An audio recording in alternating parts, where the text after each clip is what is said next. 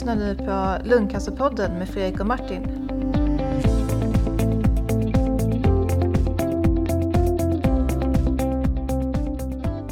Hej och välkomna till Lungcancerpodden. Tjena Martin! Halloj! Hur är läget? Jo tack, det är riktigt bra faktiskt. Ja. Ja. Vi sitter ju här i Vasastan i Stockholm och har Mm. precis varit på så föreläsning. Eller Ja. hållit en Ja, föreläsning. men gjort, debuterat som nästan certifierade föreläsare Ja. i lungcancerpoddsformat. ja, just det. Det var kul. Det var långt men det var roligt. Ja, det var jätteroligt. Det var nog den roligaste föreläsningen jag någonsin har varit med i. Ja, just Det det. är just att du och jag kunde synka. Vi körde liksom podden Ja, just det. i kortformat. Ja, fast i två timmar. Ja, precis. Ehm, Ja, nej men jättekul. Och det verkade populärt. Det är ju framförallt din förtjänst. Jag kommer ju med en massa tråkiga powerpoints och sådär. Men som vanligt när jag föreläser liksom så.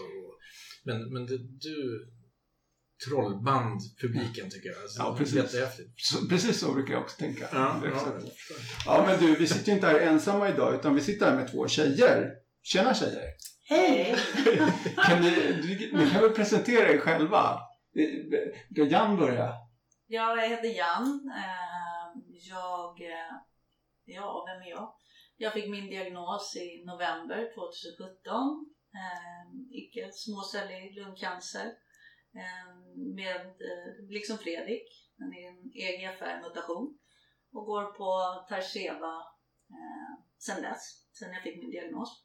Eller snarare några veckor efter jag fick diagnosen. Vem är jag då? Tidigare. Jag har jobbat med marknadsföring i alla år, civilekonom. Men också en gång i tiden elitspelare i tennis och jobbat som yogainstruktör. Ehm, levt hälsosamt. Aldrig rökt.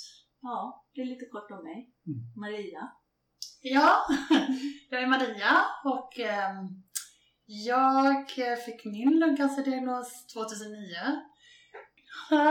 2009? ja, Wow, och det, jag Ja. menar... Ja, det är ju liksom Ja, wow. way back. Ja, det är skitcoolt.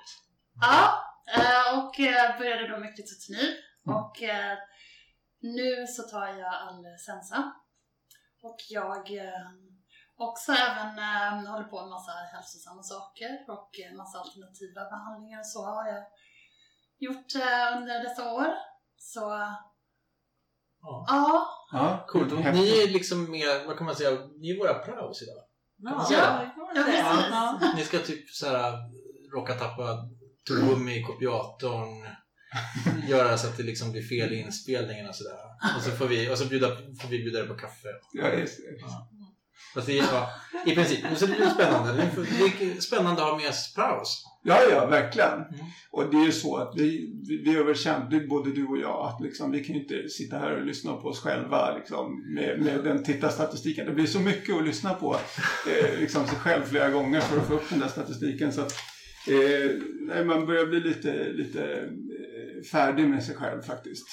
Så att det, det vore roligt att, att se här vad, jag, vad våra applaus kan göra idag. Då. Precis. Men fokus kommer ju såklart som vanligt ligga på oss. Tror jag. Ja. Eh, och lite grann... Eh, till exempel så har du varit på en kongress.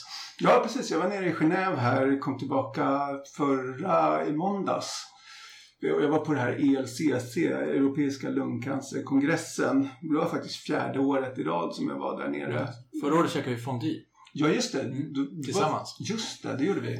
Nere på stan där. Mm. Eh, ja, Genève är en fantastisk stad om man liksom hinner ut på kvällen. Ofta är man så mör efter de där presentationerna så att man vill bara gå och lägga sig. Liksom. Eh, men den här gången kom, eh, det var en fantastisk mässa eh, och sådär.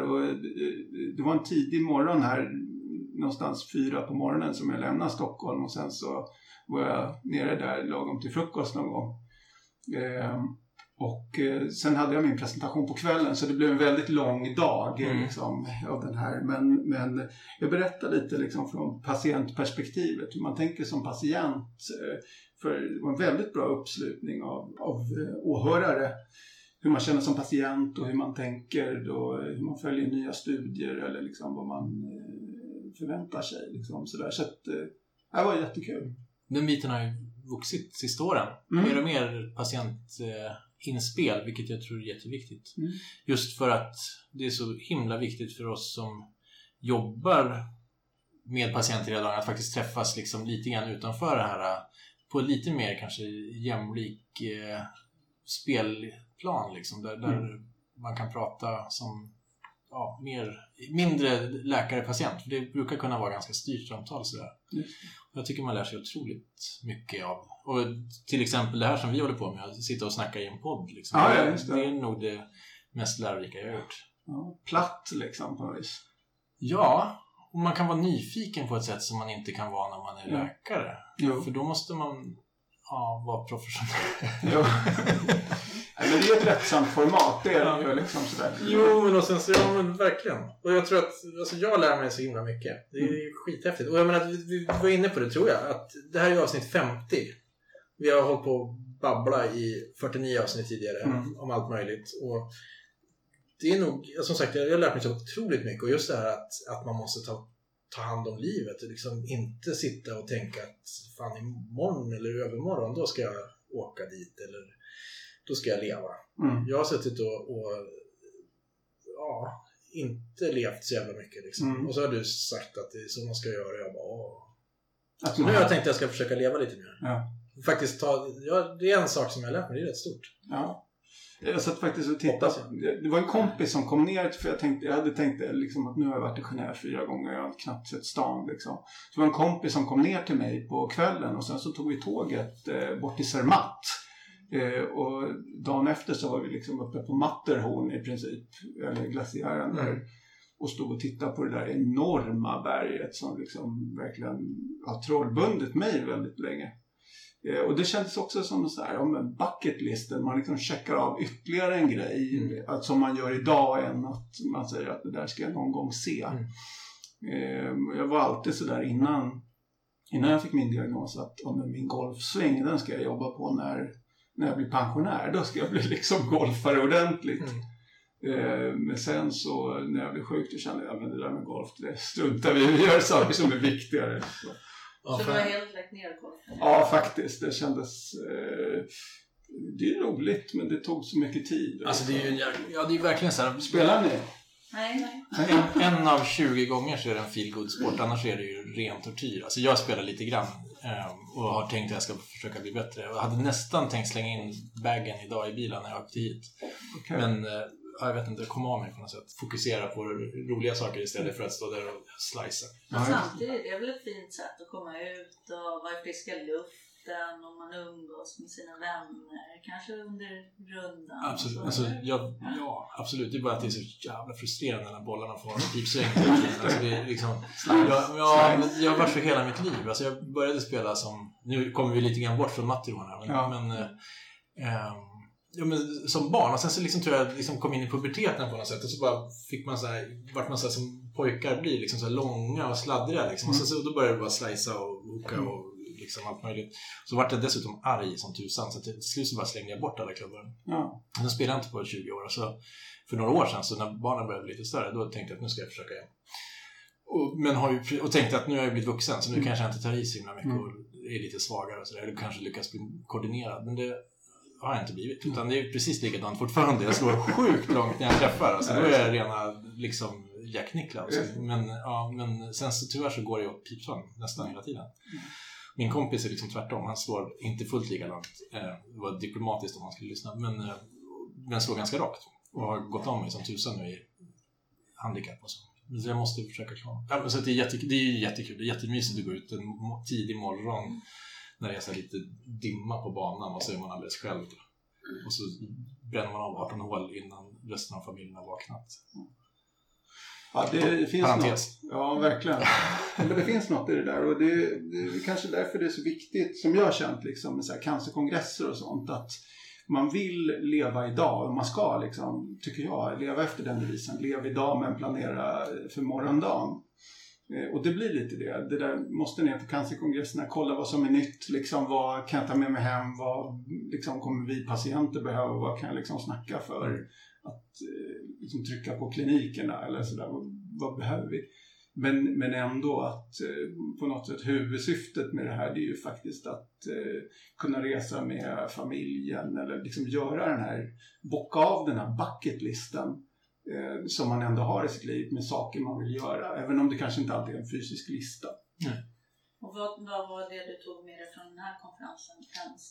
Eh, jag skulle säga att det var lite olika saker. Jag hann inte gå eftersom jag kom samma dag som jag skulle ha min presentation och det var sista dagen och sådär. Eh, så är det när man, när man blir inbjuden, att man blir bara inbjuden för liksom syftet som de har, inte för ens eget syfte. Så att man borde, eh, man borde ha slantat lite själv där kanske och, och försökt att stanna eller var längre på konferensen.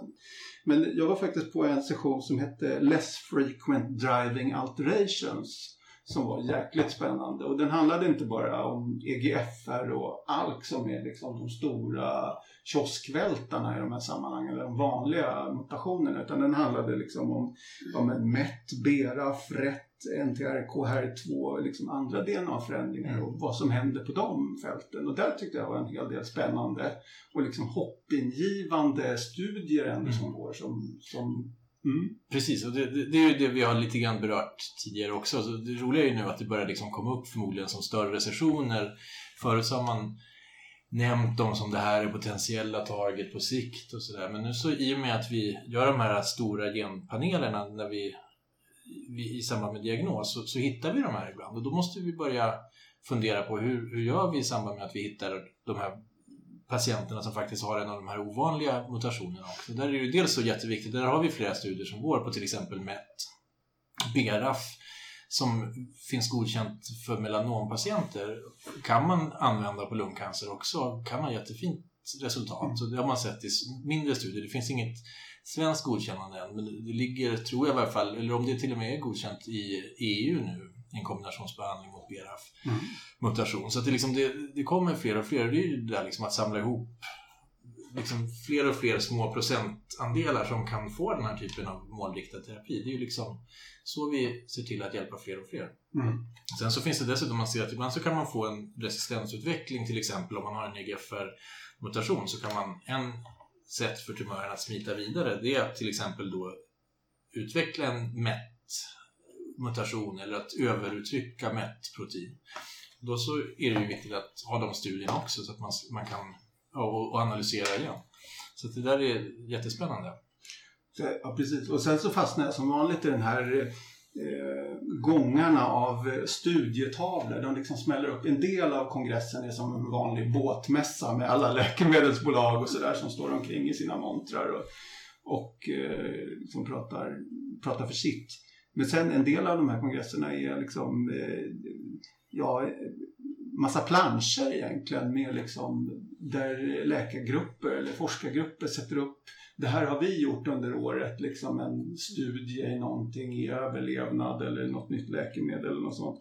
Så då fastnade jag i, jag tog någon bild på en, en, en överlevnadskarta hur det såg ut liksom 1990 mot idag och liksom kunde glatt konstatera att men det här ser ju jättebra ut att, att fantastiskt att leva i framtiden. Mm. Att man inte stod där 1990 och tittade på den där och så var där då liksom, utan att man faktiskt fick den här sjukdomen i, i, i framtiden idag. Liksom. Precis, och då ska man ju komma ihåg att på de, de kartorna som man tittar på nu, det är ju fortfarande, de är ju fortfarande gamla så att säga. Vi tittar ju bakåt.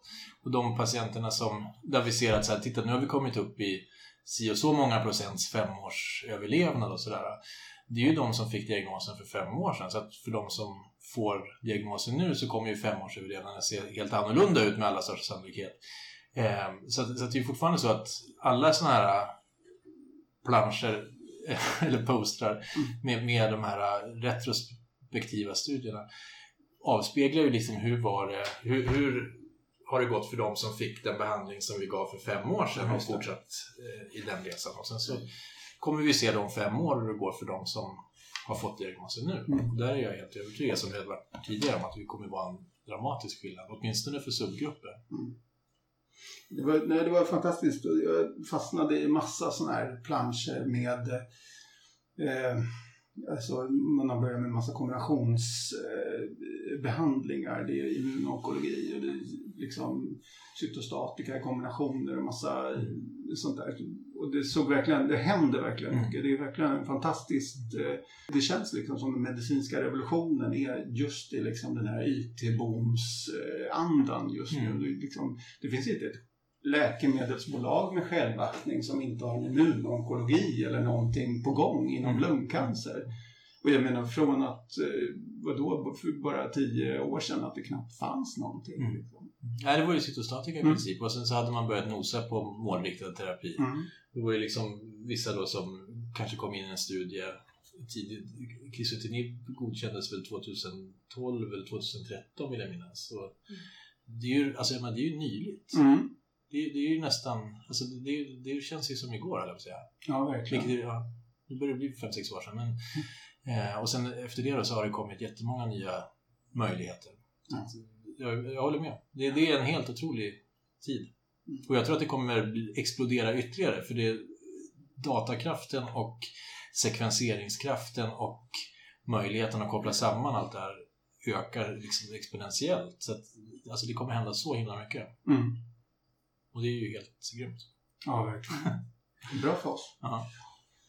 Jo, det, men, eh, men, eh, jag håller med. Nej, men sen var det faktiskt, eh, det var, sen var det min presentation och det var det jag hann på de där, vad det kan ha varit, sex aktiva timmar som jag verkligen var på i kongresshallen. Men det kändes som liksom ändå en bra, bra grej att ta med sig hem.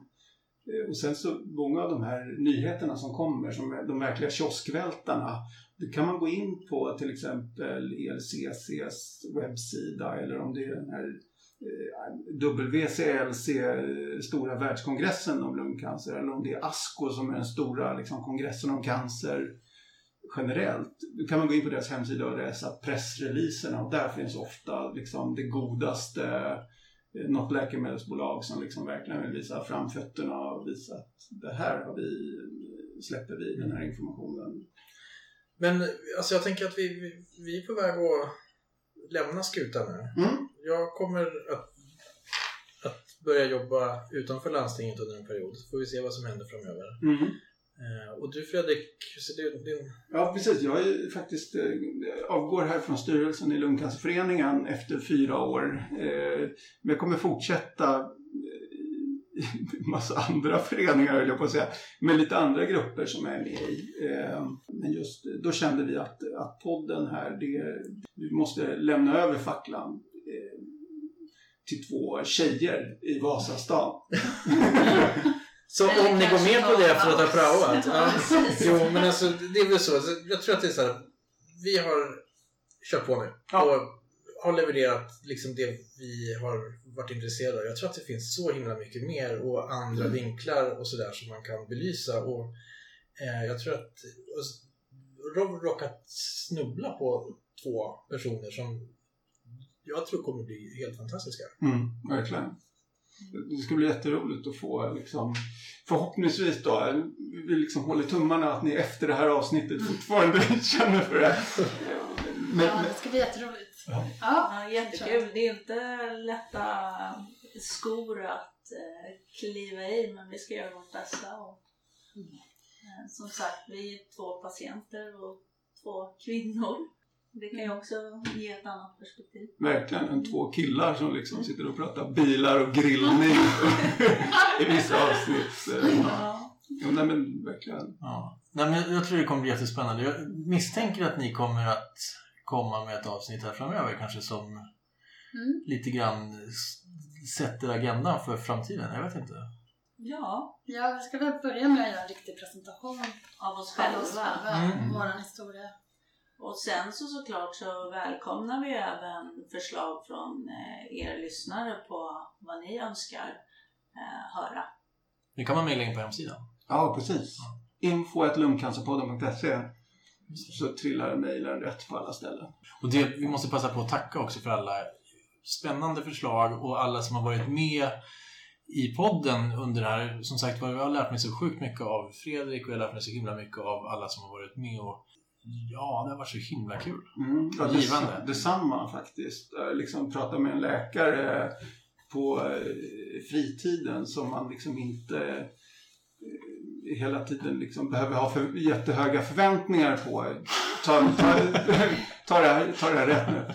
Men, men liksom, ofta är det så här att man som patient man kommer till sin läkare och sen så liksom, vad är det för fel på mig doktorn? Och så vill man liksom ha hela det där.